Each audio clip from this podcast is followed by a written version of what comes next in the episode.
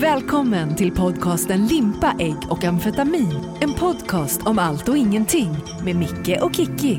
Avsnitt nummer två av podcasten Limpa, ägg och amfetamin hälsar jag er välkomna till. Micke heter jag som finns här ensam den här gången då, men Kiki kommer att återkomma här efter nyåret förhoppningsvis. Hon är ju som så att hon står just nu och går i spagat mellan två stycken jobb och kommer att få ett ja, bra jobb här efter nyåret, bara det jobbet också som kommer att få lite mer tid att bland annat att vara med och göra den här podcasten. Först ut, ja det kommer hända en hel del i den här podcasten också, ändock fast jag är ensam. Först ut så blir det en intervju med beteendevetaren och författaren Thomas Eriksson som är aktuell med en bok om psykopater. Eh, den heter Omgiven av psykopater. Du lyssnar på Limpa, ägg och amfetamin. Ja, då säger jag välkommen till Thomas Eriksson, beteendevetare och författare och aktuell med boken Omgiven av psykopater. Tack så mycket. Ja, Thomas, hur kommer det sig att du skrev en bok om psykopater? Det är ju en bra fråga och den får jag ju rätt ofta kan jag ju säga. Saken är ju den här att jag skrev ju första bok som heter Omgiven av idioter som handlar om hur människor fungerar och personens profiler och ja, olika beteendemönster. Och den här fick ett bra mottagande och det funkade bra. Många har hört av sig och sagt att det var intressant och viktigt och det kan man lära sig av. Men det som är lite speciellt med det där är att eh, boken har för vissa tydligen fungerat lite grann som, som eh, eh, ja, man har använt en, en boxerlina eh, till något helt annat än vad jag hade tänkt mig. Du vet om man skickar ut en boxerlina för att hjälpa någon att komma till en verkstad så kan man ju ta den där linan och göra någonting annat av den. Vissa gjorde den till en hängsnara faktiskt. Och hur udda det där än låter så jag fick lite mejl, lite frågor från människor som sa så här Ja, det där var intressant, det man lär sig i boken om av idioter. Hörru du, typ, hur ska jag nu använda den här kunskapen så att jag på bästa sätt kan utnyttja andra människor? Och det fick mig att fundera, alltså vad, vad, är det här för någonting? Det var ju inte meningen. Du skulle, man skulle lära sig, du vet, kommunikation, social kompetens. Men vissa har valt att använda det på fel sätt och börjat faktiskt manipulera varandra. Det var inte min tanke. Då började jag forska i manipulation och kom in på psykopati. Det var så det började. Du, hur pass vanligt är det med psykopater då i vår omgivning? Det finns lite olika siffror på det där. Eh, generellt så kan man säga att svensk forskning ligger efter. I Sverige så säger man eh, 1 procent. I hela den angloamerikanska världen säger man mellan 2 och 4 procent. Eh, det finns några svenska psykologer som säger att vi tror att det ligger på förmodligen över 5 procent. Men de, de, alltså det är svårt att bevisa, men ju mer man förstår om psykopati och framförallt psykopatiska beteenden så inser man framförallt då att det är mycket vanligare än man tror. Det är inte seriemördare och galningar i fängelse. Ja, det finns de också, men det är en försvinnande liten del. Den majoriteten av alla psykopater, de går ute på stan precis som vem som helst. Det har många inte koll på. Vad är det som kännetecknar just då en psykopat? Ja, det är mängder med saker. Då måste man först titta på vad, vad är psykopat? Det finns en checklista kan man säga framtagen av en kanadensisk forskare som heter Robert Hare. Han är väl, ja, man får nog kalla honom för nestorn i branschen. Jag beskriver det här i boken också. För att ta några exempel. Han har en lista med 20 punkter, exempelvis manipulativt beteende, patologisk lögnare, eh, parasiterande livsstil, det vill säga man tar aldrig räkna för någonting. Eh, man är eh, och även ytligt charmig. Man har ett ganska flackt känsloliv, man saknar empati, man saknar ånger, man blir inte stressad så att man har bluffat någon. Det finns ett antal sådana punkter som var och en av oss förmodligen skulle kunna bocka av. Alla har vi några, några punkter där. Jag menar, både du och jag är väldigt charmiga, eller hur? Ja, jag, jag har fått höra att jag är väldigt charmig. Men... Ja, jag tycker det verkar toppen. Och dessutom så är det så här att alla har vi dragit en lögn någon gång då och då. Förhoppningsvis inte så allvarligt. Gör det oss till psykopater? Nej, men om du samlar tillräckligt många av de här dragen i samma person, det är då du får psykopat. Du måste liksom skåra tillräckligt högt utifrån ett visst system som man använder. Då. Eh, då får en psykopat. Och det här är komplext därför att varje egenskap för sig ser du inte kanske, utan du måste se helheten, du måste se hela mönstret. Kan en psykopat själv vara medveten om det här tillståndet, att han eller hon är psykopat? Ja, grejen är att det här är ju inte en sjukdom. Det är en personlighetsstörning. Det är en medfödd, eh, ja, kalla det för en hjärnskada om du så vill. Det där gillar inte alla att höra, men det sitter i hjärnan. Det sitter troligtvis i amygdalan, i känslocentrat, som helt enkelt är underutvecklat. Så det är, ingenting, det är ingen sjukdom, det är ingenting du botar. Vet psykopaten om att han är psykopat? Det är en mycket bra fråga. Mitt korta svar det skulle bli nej. Men jag skulle nog vilja utveckla så att säger du psykopat, alla tänker ju på någonting negativt. Man tänker på Ted Bundy eller någonting sånt där. Ja, men, ja, men precis. Du, du, ja, men exakt. Du tänker på Hannibal Lecter, du tänker på Idi Amin och sådana här Stalin och Galen, vilket ju var psykopater förstås. Men, men eh, i och med att det är negativt kopplat så kommer psykopater inte att ta det till sig. För en annan, eh, ett annat psykopatiskt drag, det är ju narcissism och liksom en grandios självförhärligande bild av vem man är. Så psykopaten tänker alltid stort om sig själv och vackra tankar och han är fantastisk, han är framgångsrik och han är jättebra på allting och alla älskar honom. Det är en del av psykopatin. Och säger du då psykopat, då kommer man att tolka det negativt. Jag kan inte vara psykopat, jag som är så populär och omtyckt. Du säger att man föds till psykopat, det är ingenting som kan komma med åldern då? Att man föds helt normal då, sen så kommer det med stigande ålder? Eh, nej, det sker sann... Jag ska säga så här. Jag är ju inte forskare själv, så jag ska inte säga för mycket. Men det forskningen vet just nu, 2017, det är att troligtvis, troligtvis så sker och skapas den här störningen i, i befruktningsögonblicket. Men vad man också har sett i vissa rön det är att det inte är nödvändigtvis så att det behöver utvecklas till någonting vansinnigt allvarligt. Eh, det finns vissa studier som pekar på att om en, ett barn som i, någonstans troligtvis har en psykopatisk hjärna. Jag vet att detta är känsligt att prata om. Man vill inte tänka sig att barn skulle kunna vara psykopater. Men, men, men det är lite grann en del av problematiken. Om vi blundar för det så får vi problem, hur, hur jobbigt det är. Men det finns lite studier som pekar på att genom att behandla barn, genom att ge dem en fantastiskt bra uppväxt, en, en, kärleksfull uppväxt, att verkligen så att säga ge dem allting som ett bra föräldraskap kan ge, som väl alla barn ska ha, så kan man mildra effekterna. Då behöver det inte utvecklas väldigt, väldigt illa. Om man däremot beter sig illa mot barn med psykopatiska så säga, grunddrag så kan de utveckla mycket värre psykopati. Det här är oerhört komplexa processer, men i korthet ungefär så. Det, det går att mildra det. Och det måste man veta det ganska tidigt. Stämmer det att man ofta kan hitta människor med psykopatbeteende i ledande positioner, typ chefer och sånt där? Intressant. Intressant fråga. Ja, ibland kan vi ju några av våra stora eh, vetenskapsmagasin, eh, det vill säga kvällspressen, så kan vi hitta sådana frågor. Du, eh, din chef, är han psykopat? Besvara de här sju frågorna och ta reda på svaret. Jag brukar tänka, en riktig eh, publikfriande journalistik. Problemet är att det finns en väldig relevans i frågan. Därför att tittar du, som jag sa, säg att du har i befolkningen 2, 3, 4 procent psykopater som kliniskt skulle klassas som psykopater. Bland chefer så, så närmar det 10 procent. Det finns en poäng med det, därför att psykopater söker sig till uppmärksamhet, de söker sig till makt. Så de söker sig rent, eh, rent automatiskt så tar de sig uppåt i och med att de har ingen empatisk förmåga så hjälper den till att göra karriär ibland. De kan ta tuffa beslut, vet, avskeda 2000 människor utan att förlora en sekund nattsömn exempelvis. Det kan ju inte en normal människa göra. Och nej, jag sa inte att alla som avskedar folk är psykopater. Jag sa inte det. Men det hjälper till att ha det bra. Du, är det fler män än kvinnor som är psykopater? Statistiskt sett ja. Statistiskt sett så är det det. Det finns fler, fler, fler män än kvinnor. Man kan säga så här, av, av, om det är 4 psykopater så är det 3 eh, av männen och 1 av kvinnorna. Å andra sidan, ta det här med sex. Det är så att en man kan ju inte kan använda sex som ett maktmedel eh, förstås och, och, och förtrycka genom att tvinga kvinnor till det. En kvinna kan använda sex som ett vapen, som ett manipulativt vapen och locka män med hjälp av sex. Det är ett typiskt kvinnligt psykopatiskt drag. Det kan inte männen göra, för kvinnor är inte så korkade så de går på det. Är du med? Mm. Genom att locka med sex, det är ingen som luras med en man. Hej, kom med mig så, så, så, så blir det mysigt här. Men vi män, vi faller ju i det. Det vet ju kvinnliga psykopater att utnyttja. Och det, det innebär att kvinnliga psykopater beter sig lite annorlunda.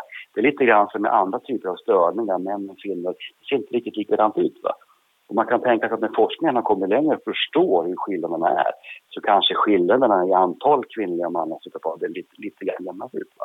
Det blir kanske ännu fler kvinnor som är psykopater än vad vi har fattat.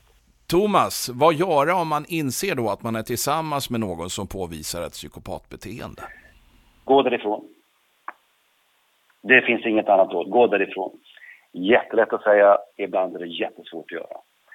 Det man måste ha klart för sig när det gäller psykopati, att jag, jag säger så här, vi ska inte gå runt och vara rädda och oroade och misstänkliggöra varenda människa vi träffar. Hej, det här är en psykopat. Så är det självfallet inte. Vad jag pratar om är att man ska ha en, en sund, eh, lite uppmärksamhet kring nya bekantskaper. Och väldigt mycket jämföra vad människor säger med vad de gör. Det är ofta det som avslöjar ett psykopatiskt beteende. De säger saker som låter fantastiska, men de gör dem i princip aldrig, i alla fall inte efter ett tag. Och det är att vi kan komma väldigt nära en psykopat. De kan få oss, de kan hamna liksom, ja, man kan hamna i säng med dem, man lever med dem, man bor med dem, man jobbar med dem, man har barn med dem, alltihopa. Upptäcker du det, gå därifrån. Verkligt gott råd där från Thomas Eriksson, författare och beteendevetare som har skrivit boken Omgiven av psykopater. Om du upptäcker att du är tillsammans med någon som uppvisar psykopatiska tendenser och tecken, gå därifrån. Och det är ju inte det enklaste heller, det vet man ju för egen del som, ja, från förhållanden när man insett i efterhand att man har nog varit tillsammans med en riktig psykopat. Det här är Limpa, ägg och amfetamin, en podcast om allt och ingenting. Och ensam den här gången då, Micke som jag heter som finns här bakom mikrofonen. Kiki kommer som sagt att återkomma framåt.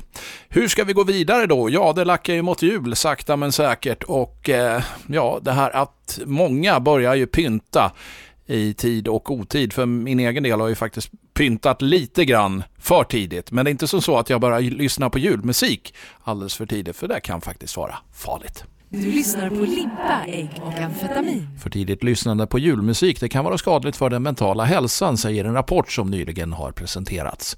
Med oss på telefon har vi musik och beteendevetare professor Leif GW. Jo, jag är Du, det låter ju lite märkligt att det skulle kunna vara skadligt att lyssna på julmusik. Ja, ja, så märkligt är det ju inte utan förekomsten idag av personer med märkbara symptom och psykiska och även fysiska åkommor det blir allt mer vanligt. Då undrar man ju vilken typ av personer är det som råkar ut för det här? Det är lika vanligt bland kvinnor som män det här. Okej. Men man kan väl säga att det ofta är individer då som i sitt arbete blir tvungna att lyssna på julmusik allt för tidigt. Så det du säger Leif, det är att det inte är ett självvalt lyssnande?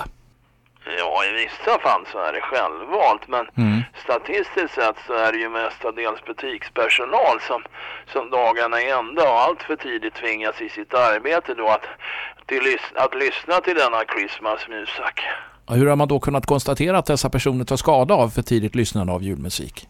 Ja, men till exempel så finns det ju de som har börjat påvisa märkbara symptom där de har gått från cigaretter till att börja röka tomteblås. Oj. Eh, I vissa fall personer som varit helt rökfria tidigare. Ja, röka tomteblås, det låter ju inte helt sunt. Nej, det är sant det är inte bra. Och ännu farligare då med tanke på brandrisken. Då det ofta är ett stort tomteskägg med i bilden. Vad kan du mer berätta då kring symptomen som uppstår av för tidigt lyssnande av julmusik? Ja, jo, det finns ju de som vaknat upp med både kulor i grenen eller med glitter i busken. Ja, då vet vi lite mer om hur farligt det kan vara med för tidigt lyssnande av julmusik. Och tack Leif för att du var med. Jo, men det är väl ni som ska tacka mig. Men jag gjorde ju precis det. Du lyssnar på Limpa, ägg och amfetamin. Kapten, Ja, vad är det? jag får in jättemärkliga signaler från jorden på våran transponder. Jaså, vad då för signaler? Lyssna. Åh, vad roligt. Du har klurat på en liten fråga, Kikki. Ja, det var lite... Men det där är ju bara Micke och Kikki. Micke och Kikki, vad är det för något? Två riktiga ufon. Under sommaren 2012 så undersökte man från UFO Sverige en liten sjö, Namajaure, i Muddus nationalpark i Norrbotten. Där ett föremål, en så kallad spökraket, sätts försvinna ner i vattnet av flertalet vittnen. Claes Svahn, dåvarande ordförande för UFO Sverige, gjorde under 2012 och även i början av det här året tillsammans med dykare undersökningar av området. Det var 15 personer då som åkte upp i slutet av augusti och in i september och under ett antal dagar då så eh, försökte vi då att kartlägga en sjö. Vi körde med sonar, vi, vi kartlade hela botten. Vi hade dykare nere för att leta efter ett föremål som då 1980, den 31 juli 1980, strax före klockan 12 på dagen då, hade setts eh, landa på sjön och sjunka. Och det, det, var två stycken personer då som också var med oss upp ska jag säga då. Hette eh, Bo och Lisberg så ute och vandrade då i Muddus nationalpark där 1980 och eh, det var fint väder, lite lätt, lite lätt mulet kanske men varmt och skönt. De tog en paus då vid södra änden av den här sjön då, som heter Namajaure. Och när de har tagit sin paus där och ska äta sina smörgåsar så hör de ett ljud ifrån himlen och då kommer det flygande då ett avlångt 3-4 meter stort metalliskt föremål. Som en cigarr då med några konstiga saker och sticker ut på kanterna. Eh, flyger över dem, mindre än 100 meter upp. De vänder sig om och ser hur det flyger ner mot sjön. Eh, sen vänder det vid sjöns eh, bortre ända. Vänder 180 grader, flyger tillbaka emot dem och landar på sjön med ett visst plast och så fåglarna skräms och flyger därifrån. och Så sjunker det. Och under visst bubblande då så försvinner det under vattenytan. Och det föremålet då eh, rapporterar de sen till militären. Men militären letade aldrig efter det så vitt vi vet utan eh, de bara noterade detta och undersökte om det kunde vara något svenskt men de hittade ingen svensk förklaring på det. Helikoptern skickades till sjön, den kunde inte se någonting för det var för grumligt i vattnet. Så det var därför vi tyckte att vi i Sverige då borde försöka att eh, leta efter detta föremål som ändå kan ligga kvar där, intakt på botten då. Det var väl inte speciellt djupt heller i den här sjön? Nej, det var bara 3-4 meter djupt alltså över hela sjön egentligen. Men haken var ju då att eh, när dykarna väl kom ner då så upptäckte de att det var ju lika mycket lera som det var vatten. Ah, okay. så, och eh, vi hade instrument med oss som kunde se ner en bit då, men eh, ända ner till botten, alltså fyra meter ner, gick det inte att se. Va? Så vi måste väl eh, åka dit igen med bättre instrument helt enkelt. Och, eh, dykarna säger så här att eh, var det än var som landade och sjönk där så måste det ha sjunkit ner i dyn omedelbart. Ganska tungt Förlåt. föremål då med andra ord. Ja, det såg uppenbarligen ut att vara metalliskt. Alltså. Det gjorde det och det var ganska långt, 3-4 meter. Och man kan anta att det var fjärrstyrt i och med att det vände och gick ner och landade på sjön. Det kraschade inte, liksom det flög inte eh, som att det vore av en slump bara att det vore ivägskickat som någon missil eller så utan det liknade mer en kryssningsrobot då. Det var det de trodde också, observatörerna. De blev jätterädda. De, de gav sig därifrån så fort de kunde för de var rädda att det skulle explodera någonting. Det var 1980, mitt under kalla kriget också så att men allting var ju möjligt. Var det inte mycket snack just i den vevan om spökraketer? Ja, spökraketerna är ju då ett, eh, ett av de, kanske största, de största gåtorna när det gäller ufo-fenomen. Då. UFO är oidentifierat flygande objekt. Alltså man vet inte vad det är för någonting när man har undersökt ett fall. Och 1946 så var det en stor våg utav UFO-rapporter.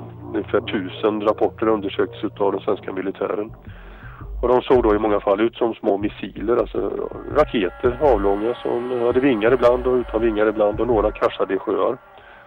Alla som kraschade i Sverige störtade i sjöar. Man letade efter dem, man hittade ingenting men eh, massor med ögonvittnen hade sett att de hade slagit ner. Och detta har sedan fortsatt då efter 46 och Eh, det finns alltså rapporter ända in i, ja, i somras.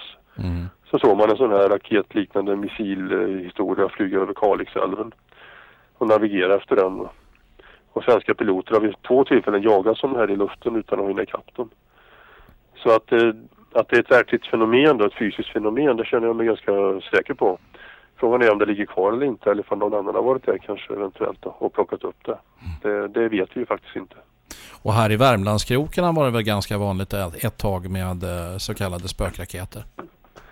Ja absolut, alltså, det finns ju många goda exempel från Värmland.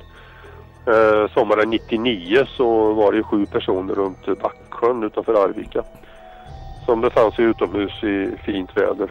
Där det kommer flygande en avlång, ett avlångt föremål över dem och som kraschar rakt ner i sjön. Och eh, fem av personerna är nere vid sjökanten, en är lite längre upp och den sjunde personen är på andra sidan sjön. Och jag har pratat med samtliga där och, och, omkring och eh, eh, det störtade alltså med ett stort vattenuppkast och militären kom dit sen och letade efter det i eh, två omgångar. Men man hittade aldrig någonting. Och då skrev man sen i, i en hemlig rapport att eh, eh det kan ha varit så att främmande makt då, som skickade iväg detta har varit där och plockat upp det. Ha en pratstund där med dåvarande ordföranden för UFO Sverige, Claes Svan, om eftersöket av spökraketen i sjön Namajaure i Muddus nationalpark i Norrbotten. Du lyssnar på Limpa, ägg och amfetamin, en podcast om allt och ingenting med Micke och Kiki. Ja, julen närmar sig nu med stormsteg och något som verkligen hör julen till det är ju julmaten. Skinka, köttbullar, Janssons frestelse, prinskorv, ja det finns ju massor med godsaker. Och jag är den som alltid går på varmrätten direkt, har aldrig gillat till exempel då sill, som många anser är en kulinarisk upplevelse. För en massa år sedan så utmanade Kicke mig på att ändå prova denna anrättning live och direkt på en radiostation någonstans i Sverige. Nu känns det inget kul längre här i programmet. Det har varit jättekul i drygt en timme och 20 minuter och nu ska du, Nu är det dags för mig att infria mitt nyårslöfte. Eh, Jag har dukat fram en, ett litet julbord här bestående av eh, ett tänt ljus med lite julsaker i, tänkte jag säga. Eh, Och sen så är det, ett, Nej, så äckligt alltså. det är en tallrik här med två sillbitar, en knäckemacka och det där ska vara en potatis. Jag hade ingen kokt potatis. Vad är det för jag- en sten? ja, det är en vit sten. Eh, men man brukar ju ta sillen först, i alla fall jag. Så att då kan du ju låtsas att det är potatis, men du kan ju avbryta innan grejen- du äter potatisen. Alla ni som inte fattar någonting nu, som sitter och älskar sill hemma och tycker det, om vad gott det är. Jag har alltid hatat sill. Jag tycker det är absolut äckligaste som finns i matväg. Men- Det är sjukt att äta sill. Hur kan du tycka det när du inte ens har smakat Det har jag väl? Jag har aldrig sett att du Jag har har smakat sill. luktat. Nej, det är för att jag inte tycker om sill. Jag inte Ät käkar nu. sill. Nu tar Ja. du och äter lite Jag ska springa sill. ut och hämta lite vatten här. Jag ska hämta en hink också. Du är så himla löjlig. Ja. Sådär. Vi kastar oss ut då. Alltid såna här djupdykande reportage. Med den här killarna på Uppdrag granskning och sånt där. Vad är det för larviga jobb ni har? Det här är djupdykande Just det, menar det. journalistik. Ja, det här kräver ju en dramatisk bakgrund för det här är bland det äckligaste jag kommer göra. Du är löjlig. Okej, jag tar kniven, jag tar gaffeln. Jag tror jag börjar lite lätt med knäckebröd, vänta. Okej. Det luktar ju om det här. Det luktar ju sill. alltså. Sluta löjla dig Ja. nu. Ät. Äckligt. Du tycker ju om senap. Nej, oh, vad äckligt. Nej. Ta en bit till. Nej. Vad löjlig du är. Erkänn att det inte var så äckligt. Nu får du äta sin nästa jul. Ja, så där lät det alltså när Kikki tvingade mig att äta sill mitt i en direktsändning på en radiostation någonstans i Sverige en massa herrans år sedan. Och jag ska avsluta den här podcasten med en intervju med julvärdarnas julvärd. Ingen har kunnat ersätta honom. Sista gången vi såg honom i tv-rutan som julvärd, det var 2002. Och den här intervjun som du ska få höra, den gjorde jag med Arne Weise 1998. Vi hörs nästa år i limpa, ägg och amfetamin. Ha nu en riktigt god jul och ett gott nytt år. Om jag påstår att du är Mr Julafton himself, vad säger du då? Ja, det stämmer nog det ser du. Du vet, 26 år blir det ju med, årets julfirande. Eh, och det får man väl vara tacksam för. Det är jag glad för. Varför tror du inte svenska folket klarar sig utan Arne Weise i tv på Ja, julafton? det är väl som julskinkan och julgranen och julklapparna det ser du. Det är en tradition. Och tradition är trygghet och trygghet vill vi nog ha lite till mans. Du har ju fem barn, varav tre är vuxna om inte jag är helt Mm. Ja, fel. fem barnbarn dessutom. Hur synkar julvärdsjobbet i tv ihop med ditt egna privata julfirande? De är vana ser du. ja, det är ju så här att det är ju faktiskt bara i Norden som vi firar några julafton. Eh, På kontinenten och på många andra ställen och i Amerika så är det juldagen som gäller. Så att jag brukar säga att eh, vi har ju jul, eh, juldagen som julafton när jag har vaknat. För jag är ju sen va, jag, det är framåt två, tre innan jag kommer hem. Eh, Så att det går lika bra på juldagen. Har det här blivit något av en tradition för dig själv att figurera i Ja, det tv? kan du tro. Det är en kär tradition även för mig. Jag har svårt att tänka mig någonting annat. Det är svårt att bryta med andra. Ja, och nu har vi ju dessutom skrivit kontrakt på ett antal nya julafton så nu kan svenska folket vara lugnt. Du kommer i tv i jul igen. Ja, då. Har du något extra roligt minne från alla dina år som jul-tv-värd då? Ja, jag har ju berättat lite fadäser ibland. Det är också en liten, har blivit någonting av en tradition. Jag tänker det här har de väl hört förut, men det kommer ju alltid till nya tittare. Eh, Jag minns en gång så skulle jag ha Jolo, den store konst, eh, författaren och journalisten Jan-Olof Olsson, Men han sa det att jag går, tänker inte gå och sätta mig på julafton hos dig. Jag vill fira jul hemma, som de flesta ju vill. Eh, så ska du ha mig så får du banda. Och det gjorde jag. I samma studio och samma dekor klockan tidigt på morgonen. Så det var inte helt fusk. Annars är det ju viktigt för mig att det går direkt. Man ska känna det, inte minst de ensamma, att jag sitter där just för dem. Men då hände naturligtvis det att halva Sverige fick, blev utan ljud. Och då kan ju den begåvade tittaren undra eh, varför går inte Weise in när han sitter där direkt och säger detta nu? Varför låter han, eh, eller sätter, sätter upp en skylt? Utan jag lät ju bandet eh, rinna ut och sen så kom jag tillbaka i samma dekor. Det var bara det att de hörde ju inte vad jag sa för det var fortfarande fel på ljudet. Så synden straffar sig själv ser du. Det ska gå direkt. Om du föreställer dig att du en dag firar en helt vanlig jul som alla andra då. Hur tror du att det skulle kännas att se någon annan axla din Det mantel? skulle jag inte tycka om alls. Du har inte ens något förslag på någon som du tror det skulle passa? inte. Ja, det är bara Weise som passar i det där. Så det, den saken är helt klar. Hur länge till orkar du hålla på? Det är som bär ut mig.